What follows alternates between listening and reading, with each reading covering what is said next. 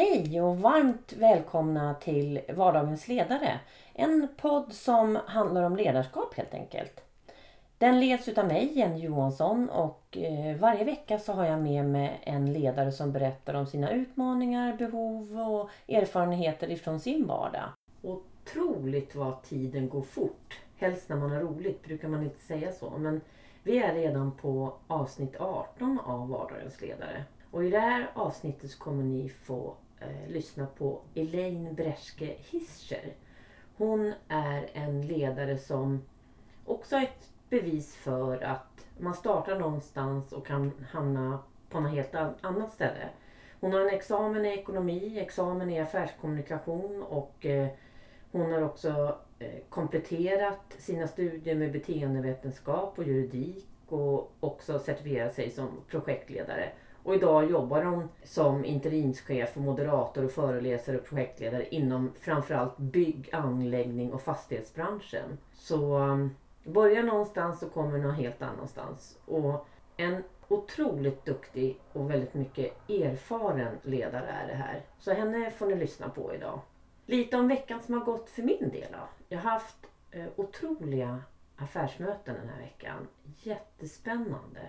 Jag håller ju på att jobba på en ny app som jag kommer lansera i maj. Eh, och eh, det är jättekul att jobba fram något helt, något helt nytt. Och det handlar ju såklart också om ledarskap. Det är det jag brinner för. Jag har också härarbetat nere på Körunda. Eh, och VDn på Körunda, Lotta, hon var ju med i avsnitt fyra utav Vardagens ledare ifall ni vill lyssna på henne. Men det är någonting jag kan rekommendera. Och sen så har ju Makat sina utmaningar. Makat driver ju jag tillsammans med Gun Zetterman och jag är VD på Makat och vi har ju under en åtta veckors period eh, kommer vi lämna ut utmaningar varje vecka. Och jag delar även med mig dem här till er som lyssnar på Vardagens ledare. Och det här är veckans andra utmaning. Eh, eller veckans utmaning nummer två. Och det handlar om teamets styrkor.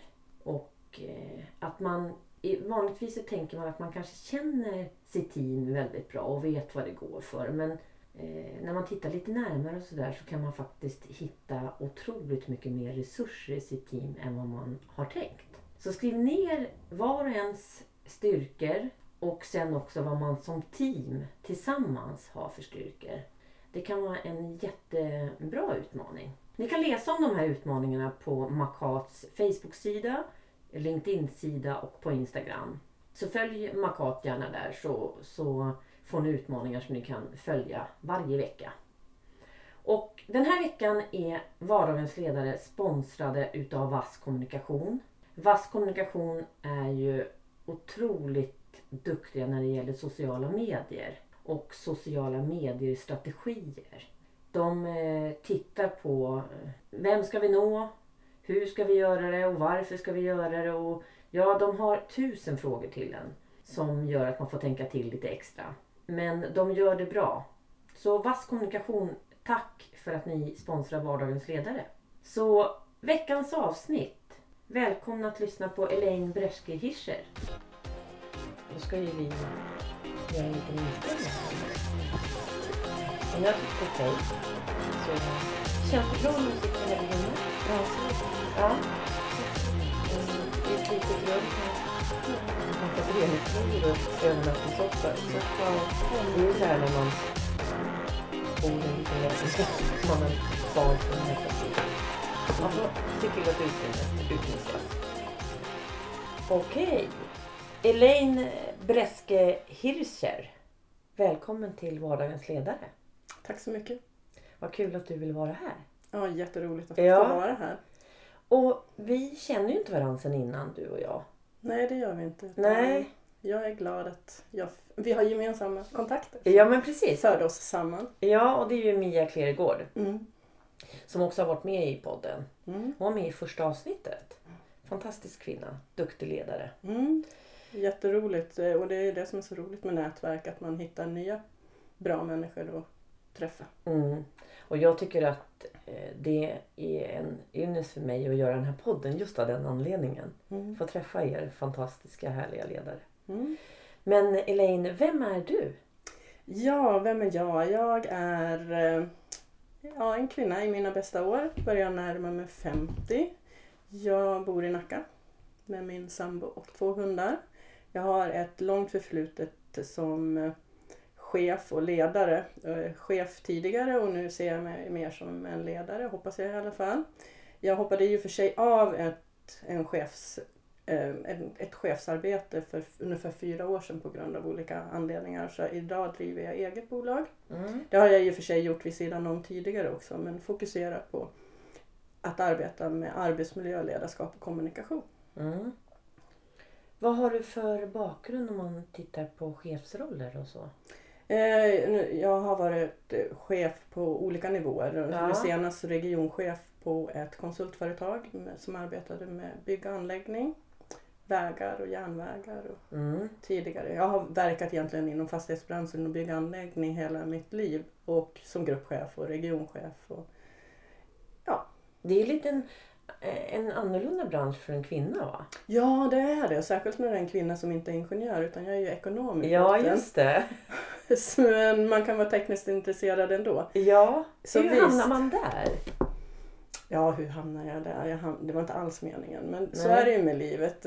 Ibland halkar man in på det där berömda bananskalet. Nej, jag hamnade där av en hel slump. Rätt personer möttes vid rätt ögonblick och hade ett samarbete i ett helt annat sammanhang och sen blev jag ju erbjuden ett jobb och på den Mm. vägen är det. Och sen har jag lärt mig från grunden då för att ska du vara chef och ledare inom bygg och anläggning så behöver du veta mycket om bygg och anläggning.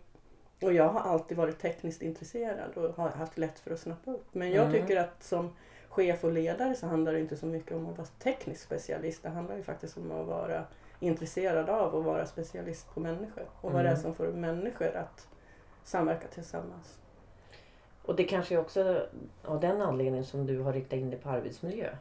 Ja, därför att vi som chefer och ledare och ja, gemene man har ett stort ansvar för att se till att det finns en riktigt bra arbetsmiljö. Att man ger oss verktygen att faktiskt kunna leverera de resultat vi vill ha på våra arbetsplatser. Mm. Och arbetsmiljön är en viktig del i det och då menar jag inte bara den fysiska arbetsmiljön utan även den psykosociala arbetsmiljön. Så det är jätteviktigt. Och är det någon som kan påverka arbetsmiljön på en arbetsplats och så är det ju naturligtvis medarbetare men chefens inställning till det är ju avgörande för om det ska bli bra eller inte bra. Hur menar du då? Jo, en chef som inte bidrar till en god arbetsmiljö där alla människor blir sedda och bekräftade. Inte bara bryter mot lagen faktiskt utan de, eh, om man inte tillgodoser de här behoven som vi har för att må bra på jobbet. För att om vi ska prestera bra då måste vi må bra. Men det menar jag inte att alla ska må tipptopp varje dag. Men det ska också vara ett klimat där det är okej att faktiskt ha en mindre bra dag. Och det är Mm. chefens ansvar att se till att varenda medarbetare som går till jobbet känner att hon eller han är välkommen där och att det finns utrymme för att må bra och att det finns utrymme för att få återhämtning om det är det man behöver. Mm. Jag tänker på Makat så har vi ganska stor erfarenhet av just byggbranschen. Vi har gjort många insatser när det gäller ledarskap där. Men eh, det är ju en bransch där det kanske inte alltid är så lätt att bli sedd som medarbetare. Nej, den är ju en väldigt konservativ bransch och Mm. det har inte hänt så jättemycket med ledarskap de senaste 150 åren. Känner jag. Eh, Utan man har en väldigt hierarki inom bygg och anläggningsbranschen som inte stämmer med den verklighet vi lever i idag. Men jag hoppas och tror att många byggföretag framförallt, entreprenörer, att de börjar tänka till och fundera. Vi kanske behöver ha lite olika kompetenser. Vi kanske inte ska ha bara tekniska specialister i vår verksamhet utan vi kanske ska ta in flera människor som är intresserade av människor och att Mm. samverkan ska funka bra. För att mm, eh, det är ju ingen hemlighet att bygg och anläggningsbranschen har en utmaning. De tappar eh, många kvinnor och de tappar många inv- med invandrarbakgrund. Det är liksom en väldigt massa av medelålders män där. Och Mm. det ska byggas väldigt mycket i hela världen men framförallt här i Sverige de närmaste åren och vi måste ju få människor att vilja jobba inom bygg och anläggningsbranschen också. Mm. Jag tänkte på det här med arbetsmiljö. Du, när du håller dina kurser, hur, hur startar du just för att få lite koll på eh, vad just det här företaget har för arbetsmiljö. Hur, hur, hur går du igång liksom? Eh, jag börjar alltid med att ta reda på. Jag, jag försöker köra eh, företagsspecifika kurser för jag tycker det är viktigt att jag kan läsa på om det här företaget som jag ska hålla utbildning för så att man Mm. kan knyta an arbetsmiljöutbildningen till deras Mm. verklighet, till deras vardag. Så jag tar ju alltid reda på vad företaget har för arbetsmiljöpolicy. Och sen ställer jag frågan till de som är på utbildningen och det är alltid chefer och skyddsombud och frågar dem om de kan sin arbetsmiljöpolicy och om de kan berätta vad den innebär för mig. Hur, hur ofta kan de det? Ja, det är väldigt sällan som de kan det. För det blir nästan- ofta en perm som Ja. ställs i bokhyllan eller? Nej, men många tycker att det är någonting som man har tagit fram bara för att man måste enligt lagen. Och det stämmer, man måste enligt lagen ta fram en arbetsmiljöpolicy. Men en policy eller ett mål som inte förankras i verkligheten, det blir ju bara en papperstiger. Eh, och, och det är inte att jag vill hänga ut någon, det är ju bara för att jag vill att varenda person som arbetar på företaget ska bli medvetna om att han eller hon har ett eget ansvar att bidra till att de här arbetsmiljömålen upplevs. Därför måste, och det gäller ju för övrigt alla mål som man har och alla policies som man har. Den enskilda individen har ett ansvar att bidra. Cheferna har ett större ansvar naturligtvis. Men alla behöver ju bryta ner de här övergripande målen till individnivå Mm. för att det ska bli verkligt. För att, vad ska jag kunna bidra med för att vi ska tillsammans nå de här målen? Mm. Det är jätteviktigt att man jobbar utifrån sig själv hela tiden oavsett vilken position man har i företaget. Verkligen. Jag tänker då de här cheferna. För de är ju inte så vana att jobba på det här sättet. Men får de verktyg och så utav dig? Eller hur går det till liksom? Förstår de hur de ska bryta ner det här till medarbetarna? Ja, det får de absolut. Mm. Hela utbildningen går ju ut på att man ska kunna arbeta systematiskt med sitt arbetsmiljöarbete. Mm. Så det finns många, Gud vad bra Många. Elaine tycker jag. ja det är helt fantastiskt. Ja, de måste ju känna sig ganska lättade också att kunna få den här hjälpen. Ja, det blir ju enklare när Ja. man kan applicera verktyg i vardagen. Och det handlar ju inte om att du ska göra någon jätteansträngning utan det handlar om att du ska få in det i, vardag, i vardagliga arbetet. Många Mm. tror att man gör de här revisionerna för arbetsmiljörevisioner eller vad det nu kan vara en gång om året eller två gånger om året eller att man pratar om det vid medarbetarsamtalet. Men det behöver man inte alls göra, man behöver inte vänta. Man kan göra det varje vecka. Om man gör lite varje vecka då blir det inte det något betungande. Om man får in det på agendan så det blir en naturlig del Mm. då får man in det till slut så att man inte tycker att det är så konstigt. Vi hade ju den här diskussionen för några år sedan om miljöcertifieringar och innan det var det kvalitetscertifieringar. Idag tänker vi ju inte ens på det. Det är ju så självklart att miljön är ett naturligt inslag, att kvaliteten är ett naturligt inslag. Så jag hoppas och tror att arbetsmiljön också ska vara ett naturligt Mm. inslag. Den lagen vi har just nu kom ju 1977 och den är, har ju inte egentligen förändrats. Nu har den förtydligats på grund av den psykosociala eh, medvetenheten att, att vi faktiskt ifrån att ha haft arbetsskador, fysiska arbetsskador så går vi till att ha mentala skador Mm. på grund av utmattningssyndrom och depressioner och psykisk ohälsa. Så det kostar ju samhället jättemycket pengar, miljarder per Och år. Men, företagen också. ja, men det, är, det spelar ingen roll vad det kostar i pengar. För varje enskild individ, Mm. den, den bestraffningen man får för att man försöker jobba för mycket eller för att man inte känner att man räcker till är ju ett livslångt lidande och det måste vi ta ansvar för. För det Mm. går inte att sätta någon kostnad på det lidandet som Nej, verkligen inte. personerna råkar ut för. Och jag tycker det, det är dags att vi alla tar ett ansvar nu, Mm. att hjälpa varandra. Men jag tycker också att vi har kommit till en, en plats, i, i alla fall i Sverige, där vi faktiskt vågar prata om psykisk ohälsa. Mm. Och att helt plötsligt så börjar vi komma till att, att ja, men det är nästan lika okej att bryta armen som att stuka huvudet. Men vi måste prata om det och vi måste hjälpa varandra tillbaka. Mm. För vi kan inte ha en framtid där så många människor mår så dåligt. Så att, ja, vissa mår ju så dåligt så de till och med väljer att inte leva längre. Men vi kan ju inte ha ett samhälle där hälften av befolkningen kanske går och har en psykisk ohälsa på grund av att de mår dåligt i skolan eller på jobbet eller vad det nu Mm. kan vara. Det ju När det faktiskt finns enkelt. ganska enkla Enk- saker att göra. Ja, det är det. Det är det är, kopplingen till det också. Mm. Och det viktigaste av allt är väl att vi bryr oss. Att vi bryr, om, Mm. bryr oss om och att vi Mm. faktiskt bekräftar och ser varandra. Mm, verkligen. Jag brukar säga det när, när jag är ute i en organisation och arbetar som chef.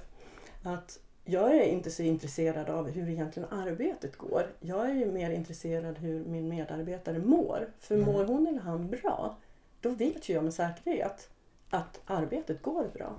Så om cheferna kunde fundera lite på mer när de tänker arbetsmiljö eller hälsa eller vad det nu kan vara. Att vi kanske ska fokusera på våra nyckelmedarbetare lite mer än våra nyckeltal. För om vi har alla, säger alla medarbetare som nyckelmedarbetare, alltså med- det är våra viktigaste, då kommer ju nyckeltalen, ekonomin att bli bra. Mm. För det finns så mycket forskning som Mm. visar på att nöjda medarbetare som mår bra har ett ökat, ökat engagemang. Och ett ökat engagemang ger nöjdare kunder och nöjdare kunder ger en lönsamhet. Mm. Och Det här har väl du ganska... Det lilla jag har lärt känna dig i alla fall Elaine så pratar ju du en del om det här med att du själv förr hade ett alldeles för mycket målfokus. ja, jag, Istället för att koppla till teamet. Berätta lite. nej, jag har gjort alla, alla ledarskapsmissar som överhuvudtaget går att göra. Det, ibland så, åh vad jag tycker synd om dem som jag var chef för då. Men å andra sidan har jag kontakt med väldigt många av dem Ja. och där jag vet med mig att jag, jag kanske klev över alla gränser, där har jag faktiskt gått tillbaka och bett så hemskt mycket om ursäkt. För det tycker jag man, när man kommer på att man har gjort ett misstag så är det bra att, att man rättar till det Mm. och ber om ursäkt när man har skadat någon. Nej men jag var ju så målfokuserad och jag visste ju alltid vart vi var på väg för det hade vi diskuterat i ledningsgruppen och sen bara körde jag. Och mitt gäng stod ju kvar på perrongen. Mm. Det var inte så att de kom med nästa tåg utan de kanske kom med tåget som gick om ett, eller skulle gå om ett halvår. Och, och det kände jag, det här var ju inget roligt, det var inget kul. Och, och det var motsättningar, kommunikationsmissar och för mig var det väldigt frustrerande. Jag var ledare, jag är utbildad i ekonomi och kommunikation. Jag lyckades inte få med mig mina medarbetare på det här självklara.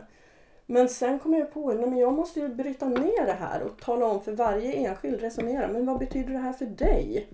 Hur ska du kunna bidra för det här målet? Alla behöver inte köra lika fort Mm. samtidigt utan man får ta sin egen tid. Och det var när jag kom på det att jaha, men det är så det ska vara.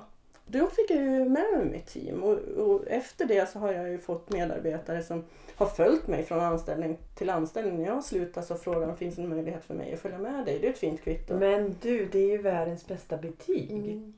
Härligt Elaine. Ja, jag Nej, men jag tänker, så det du har fått är en mer balans i det här med mål och team. ja, Vad är fördelarna har du sett? För att du är ju inte mindre målinriktad idag. Men det är Nej. väl det att du jobbar på ett annat sätt. ja, jag jobbar ju på ett annat sätt. Det är Vad är jag- skillnaden? Vad, och vad, har- vad, har, vad har konsekvensen blivit av att tänka lite annorlunda? Ja, för det första har vi ju blivit ett team eh, som jobbar tillsammans mot samma mål i den takten som funkar för alla. Men det är ju mycket roligare. Vi når ju målet snabbare och alla jobbar mindre. Det blir mindre in- ansträngning för var, varje Ja. enskild och speciellt för mig. För jag behöver inte göra allting själv. Jag behöver inte dra det här lasset själv för vi drar tillsammans. Mm. Jag tycker det var en väldigt bra symbolik här faktiskt. Just att det är ingen idé för mig som ledare att åka iväg med tåget om resten av medarbetarna står på perrongen.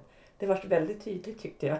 Ja, jo, men det är ju det. Ja, Men det var ju, det var ju en sån här eh, väldigt intressant när, när polletten rann till eller ramlade Ja. ner. Då tänkte man, men herregud, jag är ändå rätt smart tycker jag. Hur kunde jag vara så dum? Så jag inte fattar det Ja. här som är så självklart. Men mm. i det enkla hittar man ju det självklara. Jag tror Mm. att vi försöker komplicera det för mycket ibland. ja men faktiskt. Och att kanske också att vi vill mycket ibland. Vi vill lite Mm. för mycket och vi har lite för lite tid och vi har lite svårt att säga nej ibland. Kanske vi tar på oss, eller jag vet i alla fall att jag har tagit på mig alldeles för mycket Mm. tidigare. Och då kanske man sätter en press på sig själv som är omöjlig att nå. Mm. Mål ska vara högt satta såklart så att det ska krävas en ansträngning att nå dem men de ska ju ändå vara nåbara. Mm. Och just det där, det är som de brukar säga på flygplanen att man behöver ge sig själv syrgas först för att kunna rädda de andra. Mm. Eller hur? Det är sant. Mm. Man behöver stanna upp ibland. Mm. Och om vi tittar på resultatet då, det här med eh, samverkan och eh, att vi är varandras arbetsmiljö. Hur, hur tänker du där, Elaine? Jo, varje medarbetare har ju ett ansvar för att bidra till att skapa en trevlig atmosfär på arbetsplatsen så att man faktiskt kan arbeta tillsammans. Mm. Och för att kunna göra det så behöver alla bli sedda och bekräftade men behöver också se och bekräfta andra. Det handlar ju om att vi naturligtvis, vi måste börja med oss själva och, och har ett ansvar för att vi mår bra. Eh, och naturligtvis som chefer har man ju ett extra ansvar för sina medarbetare men även den enskilda individen måste ta ett ansvar för sin personliga utveckling. Och han eller hon behöver ju tala om när hon eller, in, eller han inte mår bra. Mm. För det är ju inte alltid man ser det. Man har ju ingen aning. Om, om, jag kan ju, du kan ju se hur glad och pigg ut som helst en dag och må jättedåligt. Mm. Det vet ju inte jag. Eh, Sen kan jag ju ställa frågor som chef men då behöver ju du känna sån tillit till mig så du vågar ge mig ett ärligt svar. Och därför så behöver vi ta fram det här egna ansvaret i varje situation. Och det gäller allt tycker jag. Mm. Men framförallt måste vi veta att har du en dålig dag på jobbet då smittar det. Och då kan andra människor som mådde jättebra när de kom till jobbet må mindre bra. Men det är ju precis likadant när man mår jättebra. Kommer du med sprudlande energi Ja, så smittar ju det också Mm. av sig. Och, och jag tycker att vi måste skapa ett klimat där båda två är okej. För att då kan man liksom dra upp varandra. Man kan få med varandra så man får en, en positiv miljö. Där, för det är ju så att ju mer positiv, ju mer glad vi är, ju mer vi delar med oss och skrattar ihop och tar ansvar och vi vet vad vi ska göra och Mm. vi vet våra förväntningar på varandra. Ju enklare kommer det ju att bli och då Ja. är det lättare att hantera en dålig dag. Men hur, om man tittar rent konkret, hur, hur får man någon annan att ta ett sådant ansvar Elaine, som medarbetare? Att se över sin situation. Hur, hur, hur kan vi få dem att göra det? Jag tror att vi får börja med att fundera lite på våra värderingar. Dels som individer och som företag. Mm. Matchar de här värderingarna varandra? Är man på rätt ställe? Eller är vi någon annanstans? För det kan ju vara så att man är, man är ju alltid rätt person någonstans men man behöver ju inte vara rätt person där man är just nu. Mm, just. Och för att veta det då måste vi för, för det första som företag synliggöra våra värderingar och den företagskultur vi har. Och sen behöver alla medarbetare säga okej till dem eller inte okej. Och säger man inte okej då behöver man våga lämna. Mm. Och i och med att man där lägger ramen för vilket förhållningssätt vi vill ha till varandra. Då kan man ju börja lära känna varandra på djupet. Inte bara som, utan veta liksom, och lära känna varandra. Hur, hur reagerar du när du mår bra? Hur reagerar du när du mår mindre bra? Vad behöver du för typ av feedback för att få möjlighet att utvecklas i ditt arbete? Och vad kan jag som chef, vad behöver jag för att kunna underlätta för dig? Det är ju ett givande och tagande hela tiden. Gör du det här då i enskilda samtal med medarbetarna eller hur? När jag arbetar med, när, när vi arbetar med värderingar då gör man det alltid tillsammans i grupp. Ja, ja, så man tar fram dem tillsammans. tillsammans och, Ja. eh, och det, för det är det som bygger företagskulturen. Men sen behöver ju var, var och en bestämma sig för hur ska jag förhålla mig till de här? Mm. Vad innebär de för mig? Och eh, då tar jag absolut enskilda samtal så att man kan hjälpa till att bryta ner de här sakerna som man har kommit överens om Mm. är viktiga. Ja, för ibland kan jag tycka att det kan bli lite klyschigt med såna här värderingsord och du vet alla företag har och så, och så just det där att man inte får det kopplat till mig som person. Att, så här, vad har ni för värderingar? Ja, vad var det vi tog fram för någonting? Du, förstår Ja, du vad jag ja, menar? Ja, jag vet. Alla företag har ju Ja. mellan tre till sju. Det finns nästan ingen som kan alla och om man skulle kunna alla så vet man inte vad de betyder. Och det är det jag är ute efter lite Eh, grann. Och det är ju jättevanligt. Och det är Ja. ju för att man inte har tagit sig tiden att bryta ner dem på individnivå. Mm. Först så är det ju de övergripande målen, sen kan det ju vara ledningsnivån och sen är det enheter och vad det nu kan vara. Men det man ofta glömmer bort, och även, oavsett vad man jobbar med värderingar eller arbetsmiljö, det är att knyta det, hur påverkar det mig? Den enskilda individen. Den, allt ifrån reception eller inhyrd personal behöver ju också, alla som verkar i verksamheten behöver ju anamma de här på ett eller annat Mm. sätt och då behöver man bryta ner det på individnivå. Annars fungerar det inte. Nej. För annars blir det bara fina ord på väggen. Ja. Som, Och det är inte- det ofta man kan höra tycker jag. Liksom. Så att det, nej men jag tycker att det här är ju väldigt viktigt. Mm. Att man får ner det så att varje... För det blir ju inte lätt annars för var och en att ta ett eget ansvar om man inte, heller inte har det här kopplat till sig personligen. Nej, och väljer man att arbeta på individnivå så att man tar det här personliga egna ansvaret, då skapar man ju en jättetrygghet för alla. För alla vet att ja, men det här är vårt sociala staket brukar jag Mm. prata om. Då, eller våran fotbollsplan. Det, så här spelar vi här för att nå våra mål. Och vi Mm. spelar tillsammans, vi är ett lag. Och jag är viktig för att vi ska nå den här framgången. Varenda sak jag gör är viktig för att vi ska bli bäst. Eller, eller vad man nu är. Och det är klart Mm. man vill jobba på det bästa bolaget. Men man ska ju också vilja jobba på det bolag där man mår bäst. Så att man sätter också sådana eh, effektmål, alltså känslomål. Mål som man inte kan mäta på samma sätt som de så kallade smarta målen. Hur mäter man de här effektmålen då? Många säger ju att vi mäter de här med medarbetarundersökningar och medarbetarundersökningar gör ju de allra flesta en gång om året och jag tycker inte att de säger sådär jättemycket överhuvudtaget. Ja, det kan ju se om det var bättre eller sämre än förra året. Mm. Men om man ska mät, verkligen mäta om människor mår bättre eller sämre. Ja, man kan ju naturligtvis titta på sjukfrånvaron, vad, om, om det har blivit bättre eller sämre. Men det är ju att ha det på agendan varje vecka eller vid varje månadsmöte. Att man faktiskt pratar om hur mår vi?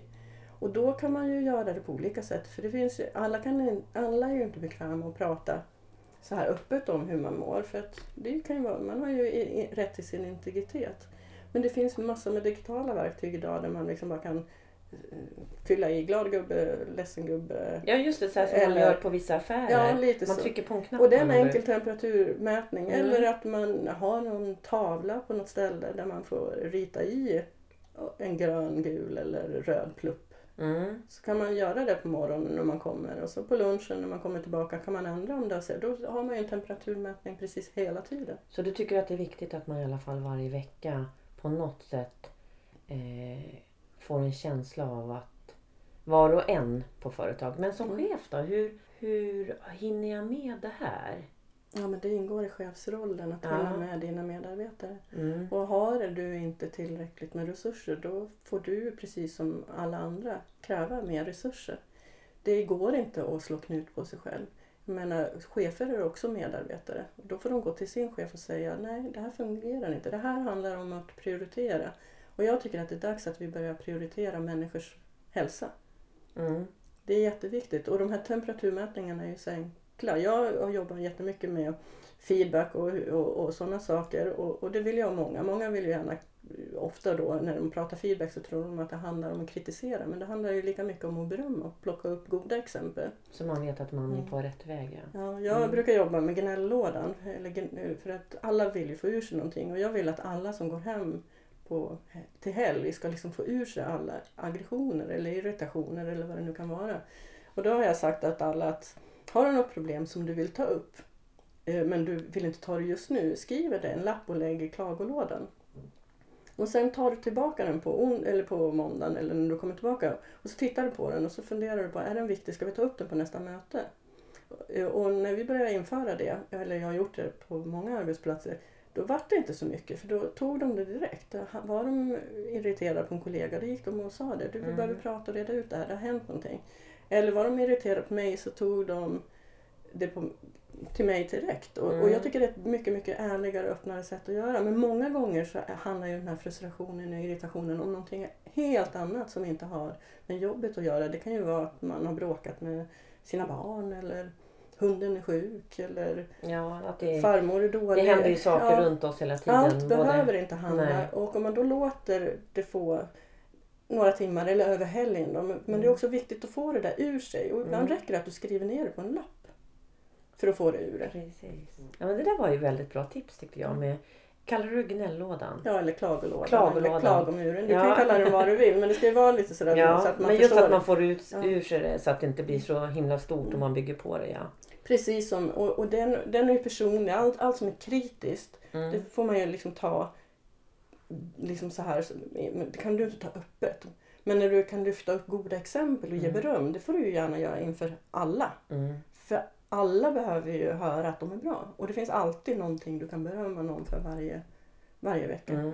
Konstruktivt beröm helt enkelt. Ja, eller bekräftande beröm. Bekräftande beröm. Ja, vad kul.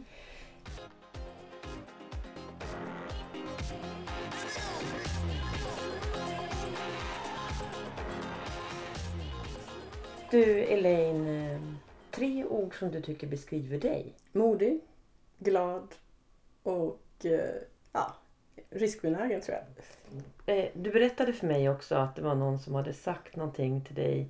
Det var en kund som hade sagt att du var så modig så du bara chansade hela tiden. Ja. Ja. Ja. ja, men jag sa ju det, riskbenägen. Jag har aldrig sett mig som riskbenägen. Eh, modig vet jag, för jag backar ingenting. Jag har Nej. inga som hel- helst problem att göra vad som helst. Jag, jag vågar allt. Jag, jag vill uppfostra så att men hur vet du att du inte kan om du inte har provat? Eller Nej, det. hur vet du att du inte tycker om det om du inte har smakat? Det är som Pippi. Det här har jag aldrig gjort så jag är säkert jättebra på. Så jag har fått med mig det kanske hemifrån då. Att, Ja. men, testa. Nej men jag, jag gör ju riskbedömningar hela tiden på allting. Även om jag inte sätter mig och slår ner det på papper. I varenda situation och allt jag bedömer. Ja men vad är det liksom? Sannolikhet och konsekvens, sannolikhet och konsekvens. Och, det, och jag brukar alltid ställa mig frågan så här. Kommer jag dö av det här? Nej det kommer du inte. Nej men då vågar jag. Ja, just det. Så den här kunden hade inte riktigt rätt. Det, är inte att du chansar utan det är medvetna risker du tar. Ja, Ja, det är det. har tolkat det rätt. Precis så är det. Sen Mm. drabbas man ju av andra saker hela tiden. Mm. Men jag tror att det sättet att tänka gör att om man hamnar i en konstig situation eller en farlig situation eller vad det nu kan vara. Jag menar jag kommer i en bransch där jag har fått hantera medarbetare som har dött på arbetsplatsen till exempel. Jag tror att det sättet att tänka gör ju också att jag kan hantera svåra situationer. Mm, På ett väl, för mig blir det naturligt. mm. Men det är ju en träningssak. Alla kan ju lära sig att riskbedöma. Och helt plötsligt så blir det också svåra saker relativt. Mm, Mm. det är ju det. Men du, om det nu är ledare eller chefer. Får jag fråga en helt annan sak? Vad är skillnaden på chef och ledare? Eh, chef kan vem som helst bli. Det, det är ju en formell tillsättning av någon. Jag kan ju tycka att chef kan man bli oavsett om man är ja, lämplig för det eller inte. Men ledare för mig är ju en person som faktiskt vill leda sig själv och andra och hjälpa andra till att leda sig själva. Mm. För mig. Är det. Ja, Det är, en ledare är någon som man gärna går tillsammans med. Som gärna lyfter fram andra. en, eh, en beskrivning som jag fullständigt håller med om. Men Elaine, om man då tittar på en ledare, om vi ska skicka med lite tips till ledare som sitter på en arbetsplats där de ser att eh, företaget kanske inte lägger lika stort, stor vikt på det här med arbetsmiljön, att folk ska må bra som de lägger på eh, nyckeltal. Hur uttryckte du nyckeltal? Nyckelmedarbetare och Ja. nyckeltal. att de inte att de skiljer på det här med nyckelmedarbetare och nyckeltal. Vad kan vi skicka med till dem? Först och främst så tycker jag att alla ledare ska rannsaka sig själva och känna, eller om de är chefer då, känna är jag verkligen rätt person på rätt plats? Är det det här jag tycker är kul? Är det människor som driver mig? Eh, eller är det ekonomi? Det, det tycker jag är det första man ska ta med sig. För handlar det bara om att nå ekonomiska resultat då tror inte jag att man kan bli en riktigt bra ledare. Utan jag tror att man behöver bygga sina medarbetare för att kunna nå riktigt bra resultat och då ska man vara intresserad av människor. Eh, sen så tycker jag också att det är väldigt viktigt att man tar arbetsmiljön på allvar. Att man förstår att man inte bara har ett stort moraliskt ansvar tycker jag som ledare att se till att människorna mår bra och får de verktyg de behöver. Men du har ju faktiskt också ett juridiskt ansvar för det är ett lagkrav att du ska ta det här vaktande. Så gör du det inte bryter du mot lagen. Mm. Eh, och det är ju tråkigt att man ska behöva ta till det men det är kanske det som behövs för att man ska börja prioritera arbetsmiljön.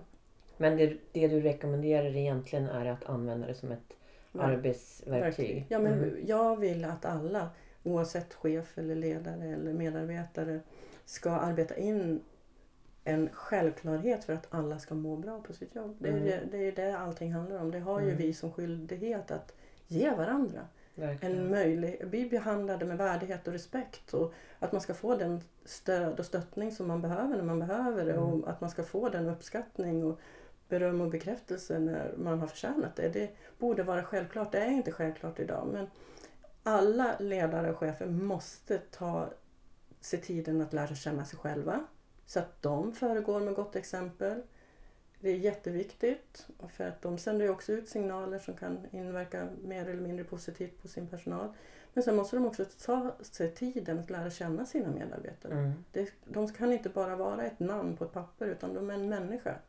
Precis. Levande kött och blod. Och det tror jag är viktigt, att vi börjar Mm. se varandra som människor och inte som ett anställningsnummer. Och det kommer till slut gynna företaget både ekonomiskt och medarbetare som mår bra. Ja, absolut. För det finns forskning som visar att man kan öka sin lönsamhet med två tredjedelar genom att faktiskt ta hand om sin personal. Det där tycker jag var ett fantastiskt bra avslut. Jag har fått till mig jättemånga insikter i det här samtalet Elaine. Det tackar jag jättemycket för. Jag ser verkligen fram emot att vi tillsammans kommer att skapa ett mycket, mycket bättre Sverige där arbetsmiljön är i fokus och människorna mår bra. Det tycker jag också låter fantastiskt bra Elaine. Du, tack för det här samtalet. Tack själv. Hej! Hej.